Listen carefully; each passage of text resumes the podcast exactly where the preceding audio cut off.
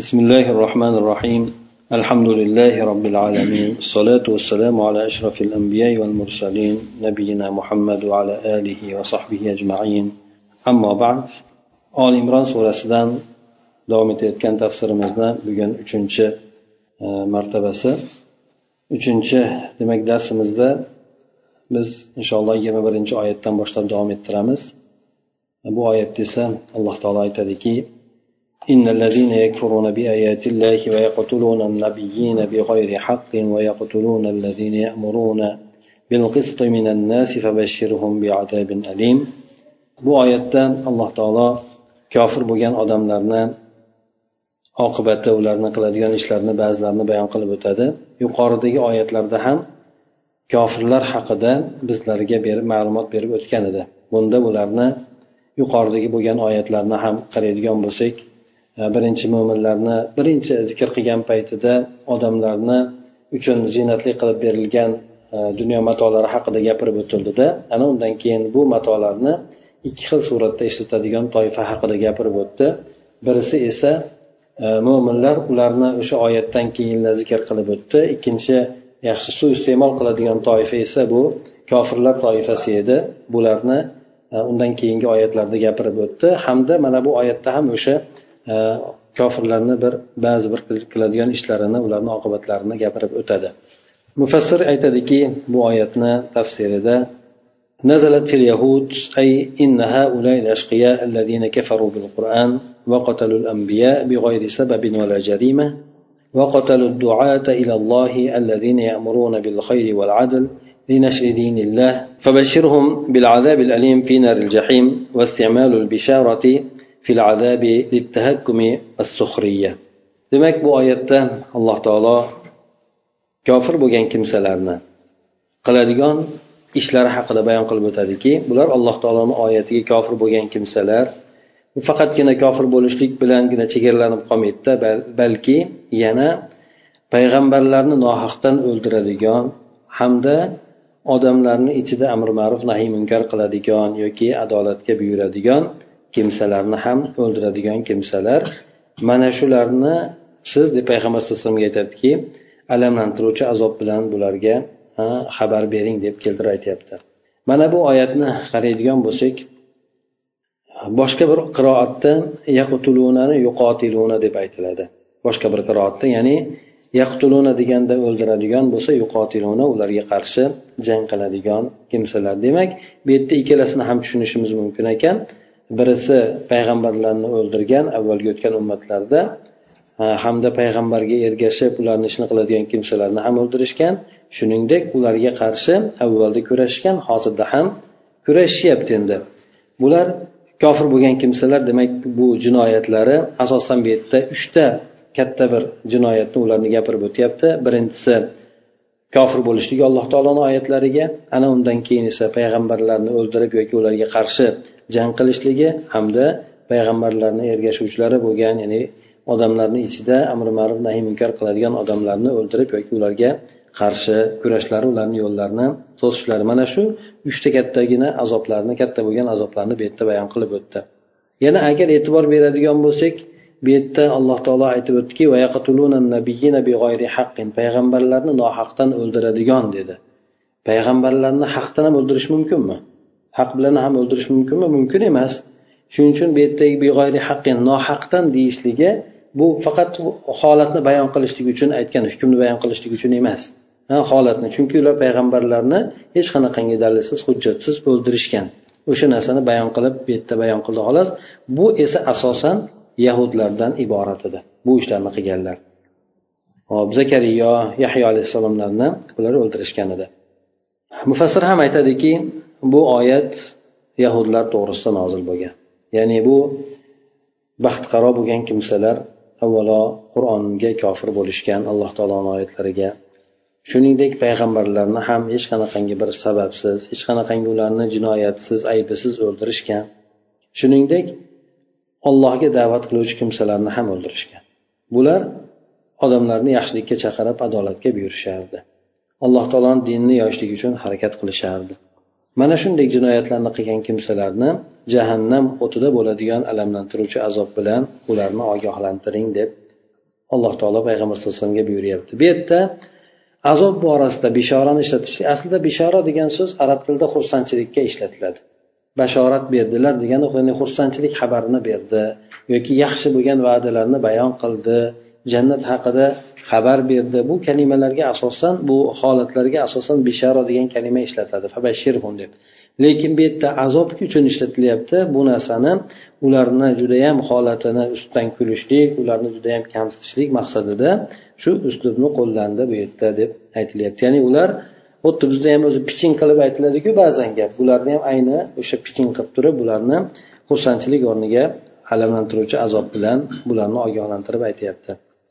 أولئك الذين حبطت أعمالهم في الدنيا والآخرة وما لهم من ناصرين أي بطلت أعمالهم الصالحة التي عملوها من أنواع البر والإحسان فلم يبق لها أثر بل بقي لهم الخزي في الدنيا واللعنة في الآخرة وليس لهم من من ينصرهم من عذاب الله.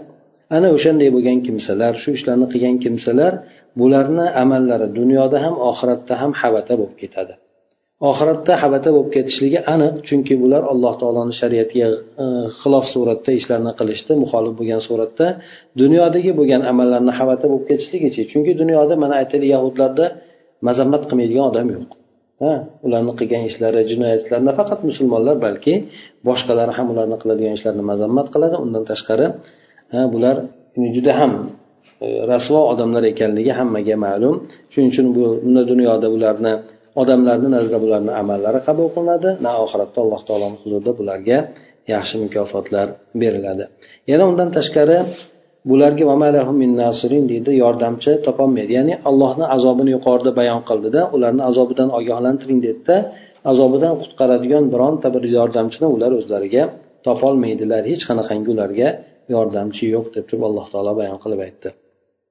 Ya'ni ularni yaxshi bo'lgan dunyoda qilib o'tgan amallari ya'ni birov ehson qilishlik bo'lsin yaxshi amallari bo'lsin. Mana shu amallarni hammasi habata bo'lib ketadi. Uni hech qanaqangi asorati qolmaydi. Balki ularga mana shu dunyoda sharmandalik qoladiyu oxiratda esa la'nat qoladi. Ular uchun shuningdek allohni azobidan ularga yordam beradigan kimsa ham bo'lmaydi deb aytib o'tadi. Demak bu yerda yuqorida ularni uchta jinoyatini bayon qilib o'tgan edi. Bu yerda ularga uchta azobni ham bayon qilib o'tildi. Demak ularni amallari dunyoda ham habata bo'lib ketishligi oxiratda habata bo'lib ketishligi uchinchi azob ya'ni bularga uchinchi holat e, yordamchilarni hech qanaqangi yordamchilarni topmasligi demak uchta azobga demak uchta holatni bu yerda bayon qilib o'tildi ألم تر إلى الذين أوتوا نصيبا من الكتاب يدعون إلى كتاب الله ليحكم بينهم ثم يتولى فريق منهم وهم معرضون أسلوب تشويق وتعجيب من حال اليهود أي ألا ألا تعجب أيها الرسول من حال اليهود الذين نالوا حظا وافرا من التوراة يطلب منهم أن يتحاكموا إلى التوراة المنزلة من عند الله لتحكم بينهم فيما تنازعوا فيه ثم يعرض فريق منهم عن قبول حكم الله وهم قوم طبيعتهم الإعراض عن الحق والإصرار على الباطل. yana undan keyin alloh taolo payg'ambar sallallohu alayhi vasallamni e'tiborini qaratib u kishini savol suratidagi bo'lgan oyat bilan payg'ambar sallallohu alayhi vasallamga xitob qildiki siz kitobdan nasiba berilgan kimsalarga bir qaramaysizmi? Ya'ni kitobdan ilmi bor bo'lgan odamlarga qaramaysizmi? Bularni yana ilmi bormish bularda. Ya'ni bular qachoniki alloh taoloni kitobiga ularni o'rtasidagi bo'lgan kelishmovchiliklarda hakam bo'lishligi uchun e, chaqirilgan paytda allohni kitobiga kelinglar deb chaqirilgan paytida bular chaqiriladiyu keyin esa bulardan bir jamoasi o'zlari o'sha yuz o'girgan holatda orqalarini qilishadi. Ya'ni alloh taoloni kalomidan yuz o'girib turib buni qabul qilishmaydi. Alloh taoloni kitobi ularni o'rtasida hakam bo'lishligini bular qabul qilmaydi deb payg'ambar sallallohu alayhi vasallamga aytyapti. Demak bu yerdagi bo'lgan uslub yahudlarni holatidan ajabga solishlik va tashviq judayam bir qiziqtirishlik uslub bilan aytildi. Ko'rmaysizmi bularni degan suratda? Ya'ni ey rasul ey payg'ambar sallallohu alayhi vasallam yahudlarni holatiga bir qaramaysizmi ularni holatidan bir ajablanmaysizmi? Ular tavrotdan katta bir nasibaga ega bo'lishgandi. Tavrotni ular bilishar edi tavrotni qabul qilishar edi shunga o'zlari ishonishar edi. Endi ulardan o'sha tavrot alloh taolo tomonidan nozil qilingan tavrotga ularni o'rtasida bo'lgan kelishmovchiliklarda hakam bo'lishligi uchun o'sha tavrotga murojaat qilishligi talab qilingan talab qilinadiyu keyin esa ulardan bir jamoasi allohni hukmini qabul qilishlikdan yuz o'giradiya bular shunday bir qavmki bularni tabiati haqdan yuz o'girishlik va botilliklarida mahkam qolishlik deb aytib o'tadi. Mana bu oyatga qaraydigan bo'lsak e, bu oyatdan xulosa yoki foyda oladigan bo'lsak inson ilmi bo'lsa ham bu ilm insonga najot berish bermasligi ham mumkin ekan. Inson ilmi bo'lishligiyu ilmi insonga aksincha najot berishlik kerak aslida najot bermasdan uni halokatga yetaklashi ham mumkin ekan. Ana undan keyin yana bu yerdagi aytilayotgan narsa shuki alloh taoloni kitobiga chaqirilgan paytda deb aytildi. Alohida alloh taoloni kitobiga deyildi bu bilan tavrot iroda qilingandi ya'ni ular o'zlari buzib yuborgan kitobga emas asli qolgan hukmiga alloh taoloni hukmi qolgan o'rinlari bor edi bularda. O'sha alloh taoloni hukmiga bularni chaqirilgan paytida bular undan yuz o'girishdi ehtimol ular o'zlari o'zgartirgan tomonlariga chaqirilganda buni qabul qilishlari mumkin edi. Lekin alloh taoloni haqiqiy bo'lgan hukmiga bular qabul qilishmadidan undan yuz o'girishdi bu yerda keyin alloh taolo aytadiki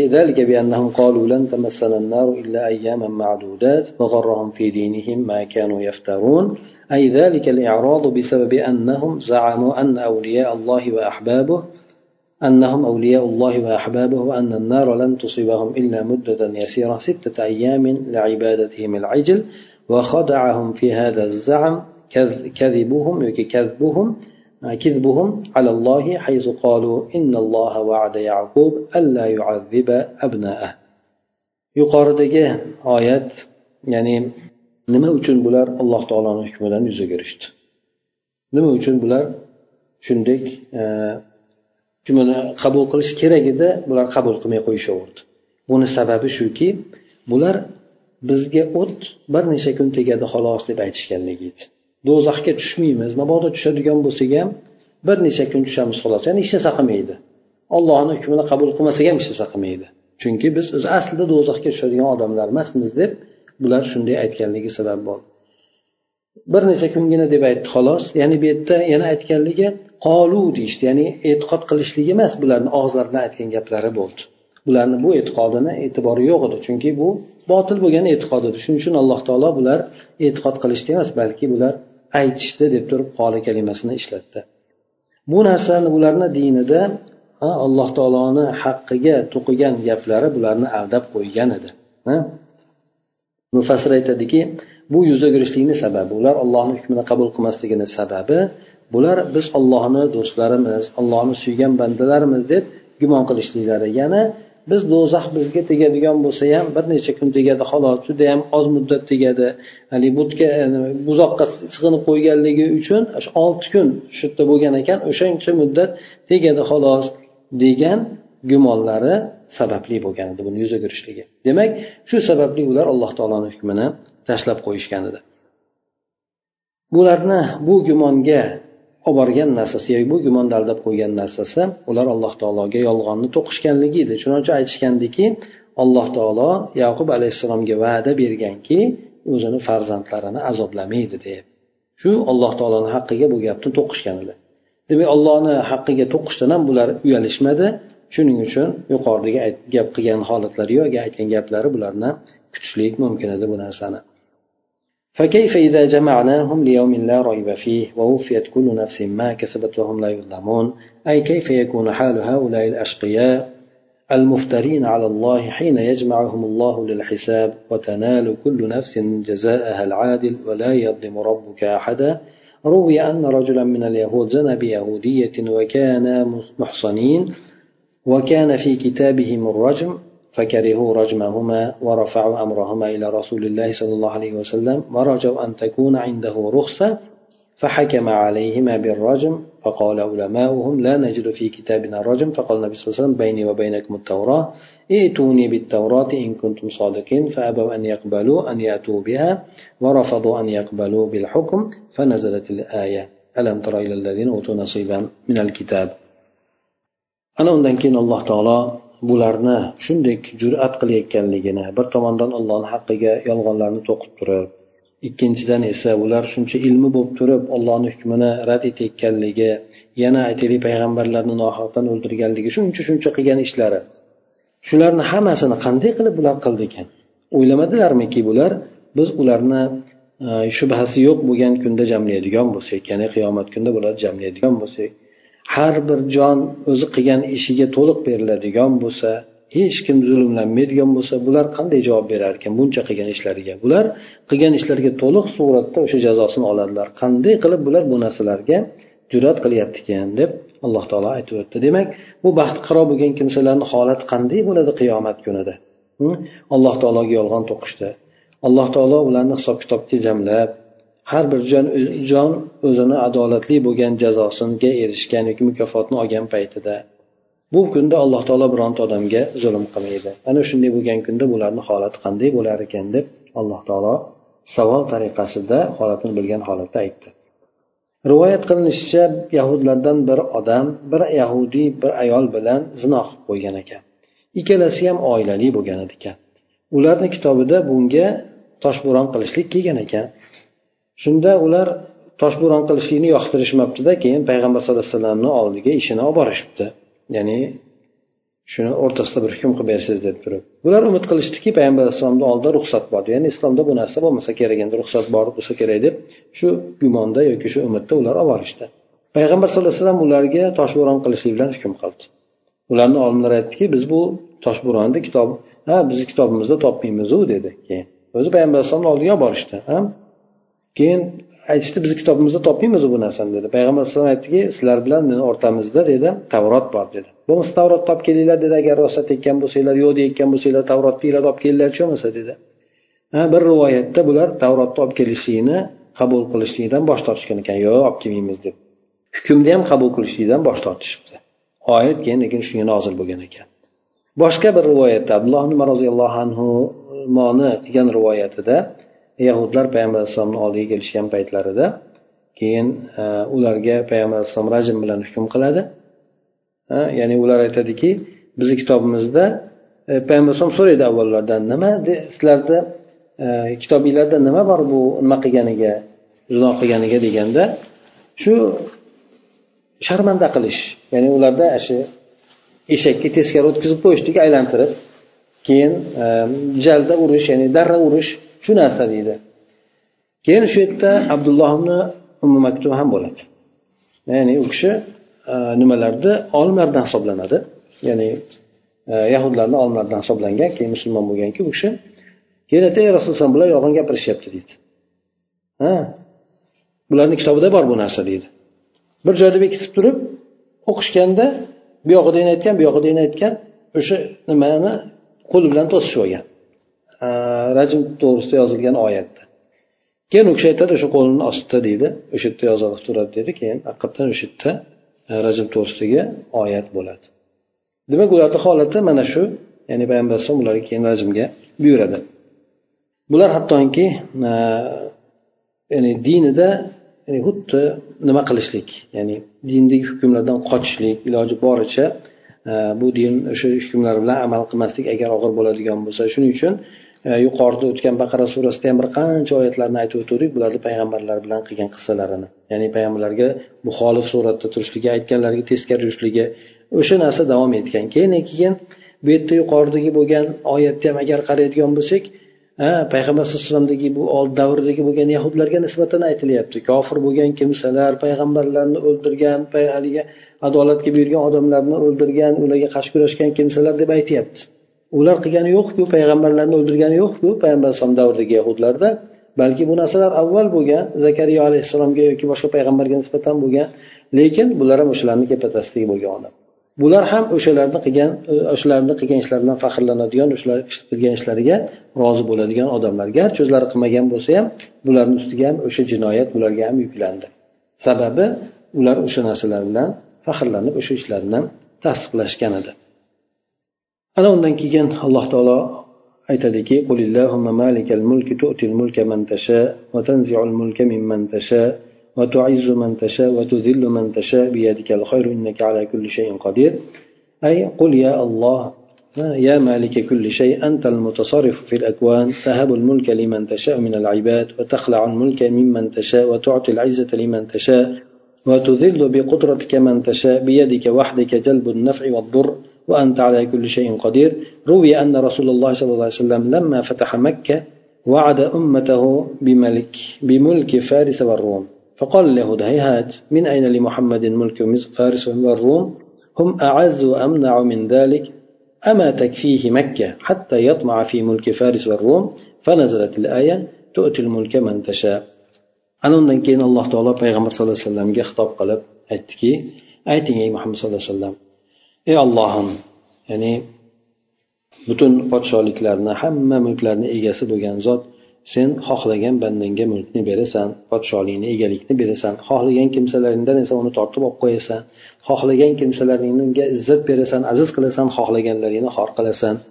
Faqat yaxshilik seni o'zingni qo'lingdadir. Sen albatta hamma narsaga qodirsan deb aytishligini payg'ambar sallallohu alayhi vasallamga alloh taolo buyurdi. Buni quyida keladi sababi bor edi. Ya'ni bu mufassir aytadiki bu oyatni tafsirida ey allohim ey hamma narsani moliki bo'lgan zot albatta sen butun koinotda butun borliqda tasarruf qiluvchi boshqarib turuvchi bo'lgan zotsan. Ana hamma narsa alloh taoloniki bo'lgandan keyin mulkni ham hamma egaligi allohniki bo'lgandan keyin bandalardan xohlaganiga beradi. Xohlaganlardan bu mulkni olib qo'yadi. Azizlikni ham xohlagan bandalariga beradi xorlikni ham o'zi xohlagan bandalariga qudrati bilan xor qiladi yoki xorlikni beradi. Ya'ni alloh taoloni yolg'iz seni o'zingni qo'lingda deb aytadi ya'ni foyda keltirishlik zarar berishlik. Ya'ni shunday bo'lgandan keyin alloh taolo foyda zarar hamma narsa alloh taoloni qo'lida bo'lgandan keyin mulkni berishlik yoki aziz qilishlik xor qilishlik hammasi alloh taoloni qo'lida ekan. Buni aytilishligini sababida keltiriladiki rivoyat qilinishicha payg'ambar sallallohu alayhi vasallam makkani fath qilgan paytlarida ummatiga fors bilan rumni mulkini ham va'da qilgan. Makka fathi ham juda katta fath hisoblanadi. Shuningdek fors bilan rumni ham musulmonlar fath qilishligini payg'ambar alayhi vasallam va'da qildi. Balki undan oldin ham va'da qilgan edi oldinroq ahzob jangida va'da qilgan edi bu narsani. Yahudlar aytishdiki u qayerda bu narsa qayerlik bu narsa dedi.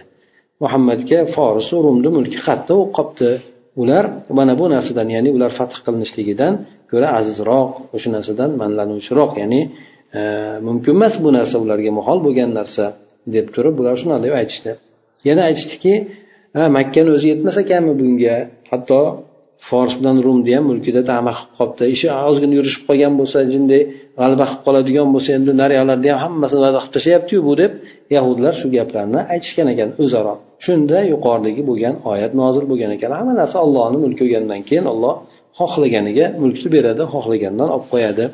Deb shunday deb ayting ularga deb payg'ambar sallallohu alayhi vasallamga alloh taolo buyurgan ekan. Demak bu yerdagi bo'lgan oyatdan hamma narsa alloh taolo xohlaganiga beradi bu xohlaganiga beradi deganligi yaxshi ko'rganiga degani yo'q bu yerda. Xohlaganiga beradi dedi. Chunki mashia bilan haligi nimani orasida farq bor. Mashia iroda kavniya bilan bir xil bo'ladi. Iroda ikki xil birisi alloh taolo xohlagan shar'iy tomondan xohlaydigan narsa bor koinot tomonidan xohlaydigan narsa bor.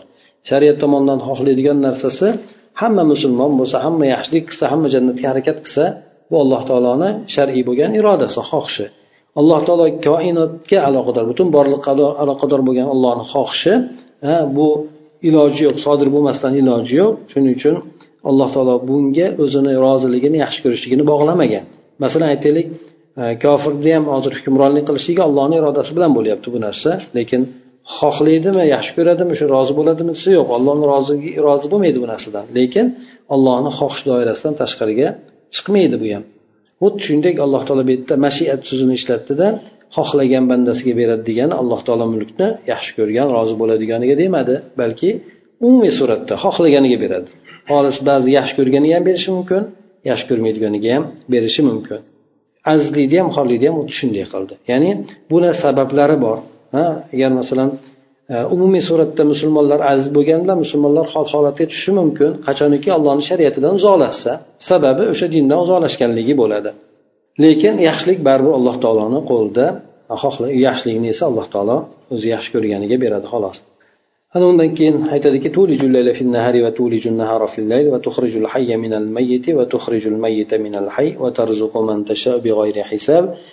أي تدخل الليل في النهار والنهار في الليل فتزيد في هذا وتنقص في ذاك وهكذا يطول الليل وينقص النهار شتاء وينقص الليل ويطول النهار صيفا شيئا فشيئا يتسرب ظلام الليل إلى وضاءة النهار وبالعكس فيطول النهار ويقصر هذا دليل قدرة الباهرة. يخرج سبحانه الحب من الزرع والنخلة من النواة والبيضة من الدجاجة والإنسان من النطفة وبالعكس وهكذا تتولد الحياة من الميت إلى الحي ومن الحي إلى الميت في دورة دائبة دائمة وسبحان المبدع الحكيم alloh taolo o'zini qudratini bayon qilib o'tadiki ya'ni payg'ambar sallallohu alayhi vasallamga yuqorida aytib o'tgandek xohlagan bandangni aziz qilasan xohlaganni xor qilasan degandan keyin yana alloh taoloni keng bo'lgan qudrati to'g'risida bayon qilib aytadiki kechani kunduzga kirgizasan kunduzni kechaga kirgizasan va tirikni o'likdan chiqarasan o'likni e, esa tirikdan chiqarasan. Xohlagan bandingni behisob rizqini berasan deb demak e, aytib o'tdi. Bu yerda mufassir aytadiki demak kechani kunduzga kirgizadi. Alloh kirgizasan. Shuningdek kunduzni ham kechaga kirgizasan buni ziyoda qilasan bu o'z o'zidan kamaytirasan. Shuningdek mana qishda bo'ladigan bo'lsa kecha uzun bo'ladi kunduzi qisqaroq. Yozda bo'ladigan bo'lsa kecha qisqa bo'ladida kunduzi uzunroq bo'ladi. Sekin sekin mana shunaqa qilib kechani qorong'uligi kunduzni yorug'ligiga kirib boradi yoki aksincha bo'ladi. Shu bilan kunduz uzun bo'ladi va qisqa bo'ladi. Bu esa alloh taoloni ko'zlarni lol qoldiruvchi bo'lgan qudratini dalolatidir qudratiga dalil dalolat qiladi. Yana shuningdek alloh subhanava taolo e, ziroatdan ya'ni ekindan urug'ni ham chiqaradi va danakdan xurmo chiqaradi. Tovuqdan esa tuxumni nutfadan tomchi suvdan esa insonni yuzaga chiqaradi. Xuddi shuningdek aksi hamdir ya'ni aksi e, dondan o'simlik chiqaradi xurmoni o'zini ichida danak tugadi yana e, tovuqdan esa tuxumdan esa yana tovuq chiqadi. Inson demak yana o'sha ayol bilan bo'ladigan bo'lsa nutfa insondan insonda paydo bo'ladi. Ya'ni farzand bo'lishlikka o'sha narsa nutfa insonni o'zida paydo bo'ladi. Nutfadan yana inson ham paydo bo'ladi. Demak aksi ham shu shunday bo'ladi. Mana shunday qilib deydi hayot o'likdan tirikka qarab tirikdan o'likka qarab turib shunday bo'lib davom etaveradi. Bu doimiy suratda aylanib turadi. Mana shuni yaratgan shunday qilgan bo'lgan zot ya'ni hikmatlik hamda mubde mubde degani avvalda o'xshashi yo'q bo'lgan suratda yaratuvchi bo'lgan zotni poklayman deb turib bu yerda aytib o'tadi.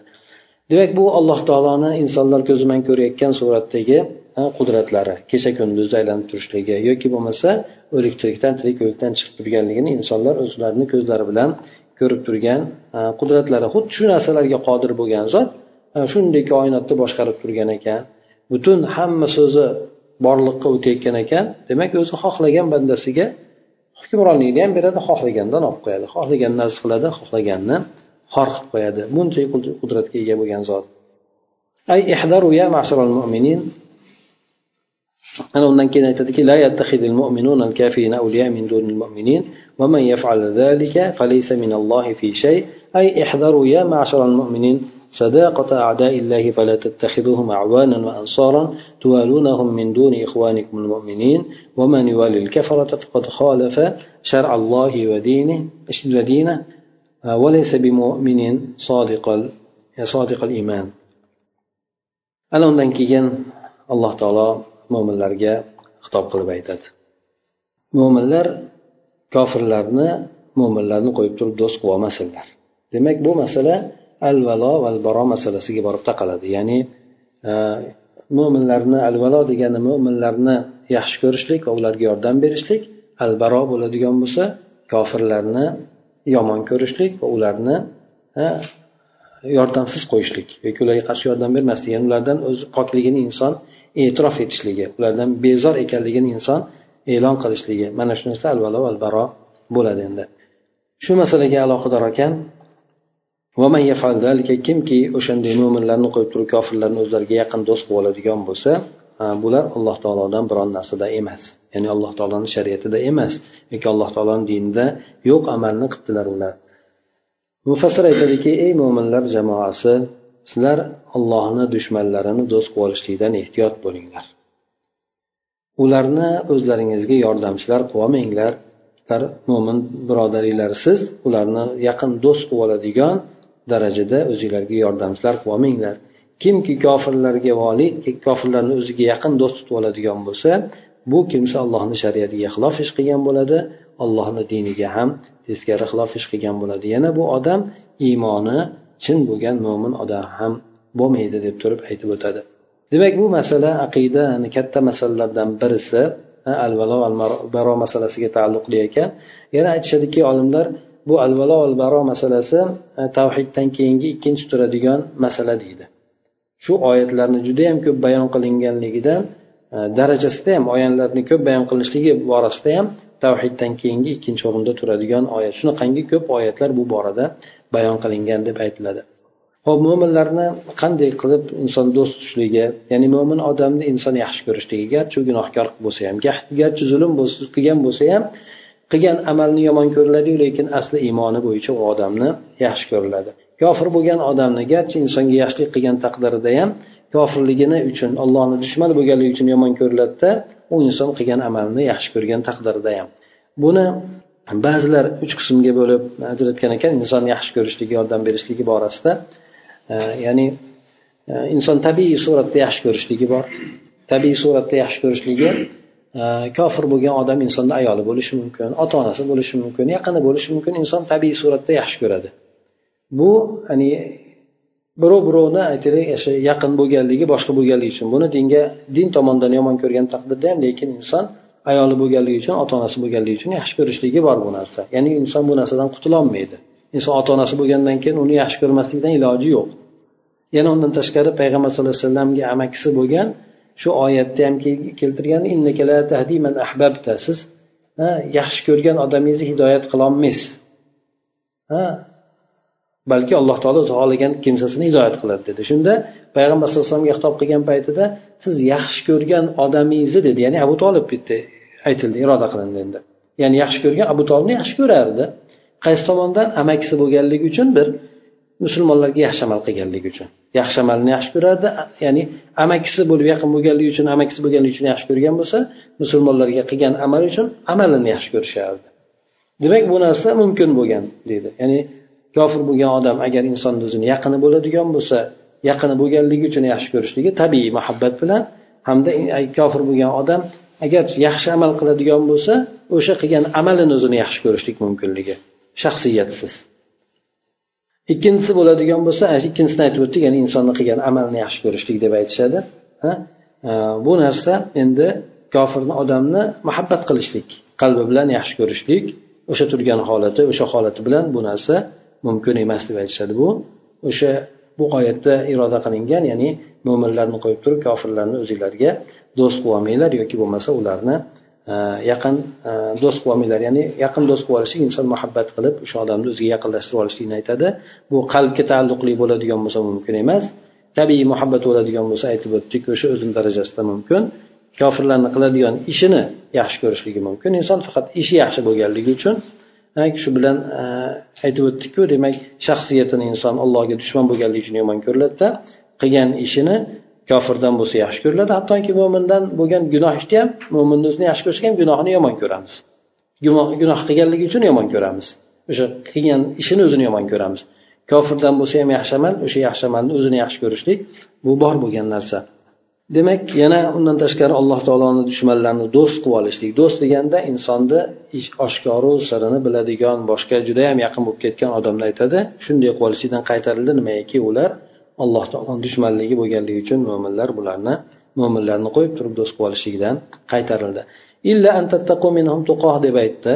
يعني بيت إلا أن تخافوا شرهم أذاهم فتظهروا لهم المودة باللسان دون المحبة بالقلب لأن هذا من باب مداوات مداراة السفهاء. كما قال صلى الله عليه وسلم إنا لنبش أي نظهر السرور في وجوه أقوام وقلوبنا تلعنهم.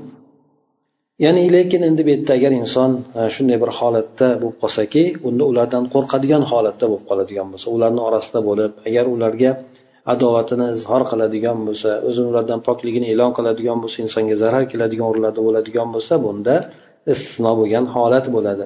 Ya'ni unday bo'lgan paytlarida sizlar e, agar mabodo ularni yomonliklaridan ozorlaridan qo'rqadigan bo'lsanglar ularga til bilan qalb muhabbatsiz tilni o'zi bilan muhabbatni izhor qilishliginglar mumkin deydi. Izhor qil ya'ni agar qo'rqadigan bo'lsa o'sha ularni ozorlaridan tili bilan yaxshi muomala qilib yaxshi gaplarni gapirib nima qilishligi mumkin. O'sha ularni e, ba'zida bo'ladiku e, biz qanaqamiz yo'q sizlar ham yaxshisizlar deb masalan e, yo ismlarga nisbatan aytish mumkin odam yoki boshqa nimalarga kofirlarga nisbatan hattoki nima qilayotganlarga nisbatan ham musulmonlarga qarshi kurashayotganlarga nisbatan ham inson u yerda turib agar ulardan xavf xatar qattiq kelishligini gumon qiladigan bo'lsa shunday tashqarida ular bilan murosa qilishlik mudora qilishligi mumkin.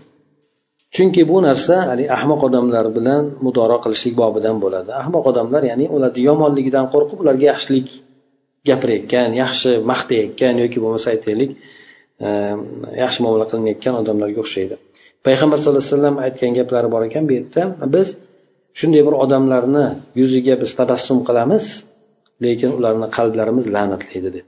Ya'ni ichimizdan ularni judayam yomon ko'ramiz lekin majbur ba'zan muomala uchun ha ya'ni yoki bo'lmasa shu qo'rquv boshqa narsa bo'ladigan bo'lsa ularni yuziga tabassum qilamiz. Shunga o'xshagan narsalar demak bor. Lekin e, bu yerda yana muomala degan narsa bor. Bu yerda nimalarni kofirlarni ikki qismga bo'linadiku muhorib bo'lgani bilan ya'ni e, bu e, mumtahina surasida keladiku sizlarni qarshi kurashgan diyoringlardan chiqarib yuborgan kofir bo'lgan odamlarni do'st tutmanglar. Kimki o'shanday bo'ladigan bo'lsa alloh taolo ular zolimlardan bo'ladi deb keladi. Endi kimki sizlarga qarshi kurashmagan bo'lsa chiqarmagan bo'lsa bu bunday bo'lgan kimsalarga sizlar yaxshilik qilishliginglarni alloh taolo man qilmaydi sizlardan deb keltiradi. Demak bular bir odamdan yaxshilik ko'radigan bo'lsangiz yaxshilik qilishligingiz.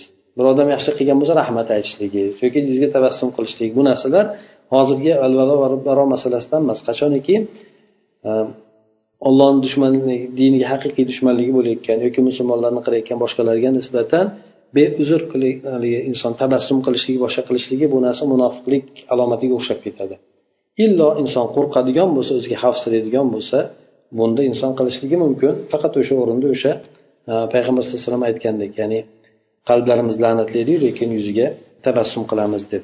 Lekin ba'zan insonlar birovga yaxshilik qiladigan bo'lsa hamda yuqorida aytib o'tgandek dinga qarshi kurashishlik yoki boshqa boshqa narsalar bo'lmaydigan bo'lsa bu odamlarga muomalani chiroyli qilishlikdan alloh taolo sizlarga hattoki yaxshilik qilishliginglardan ham qaytarmaydi deb keltiradi. Demak kofirlar demak ikki qismga ajratiladi. Musulmonlarga ozor berayotgan masalan ularga qarshi kurashayotgan o'ldirayotgan boshqa odamlarga nisbatan inson agar nimasi bo'ladigan bo'lsa ularga nisbatan adovati bo'lishligi ularga masalan qilayotgan ishlarini maqtamaslik yoki boshqa qilmaslik bu bir tomondan bo'ladigan bo'lsa ikkinchi tomondan yo'q. Masalan musulmonlarga ehtimol insoniylik tomonidan yordam berib boshqa nima qilayotgan bo'lsa bu narsa inson ularga nisbatan yaxshi muomala qilishligi yoki tabassum qilishligi boshqa qilishligi. Lekin baribir o'shanda ham qalbi bilan ularni ollohni dushmani bo'lganligi uchun qalbida yomon ko'rib turishlik bo'ladi lekin tashqi tomondagi muomalasida chiroyli bo'lishligi zarar qilmaydi. Ana undan keyin alloh taolo aytadiki alloh taolo sizlarni qattiq bo'lgan azob bilan qo'rqitadi. Allohni o'zidan sodir bo'ladigan qattiq azobdan qo'rqitadi. E, ya'ni boshqasini iqobidan emas. Ya'ni bu yerda aytayotgan narsasi yuqorida bo'lgan narsaga ta'kid. Mo'minlar kofirlarni qo'yib turib e, kofirlarni do'st qilib olmasin mo'minlarni qo'yib turib.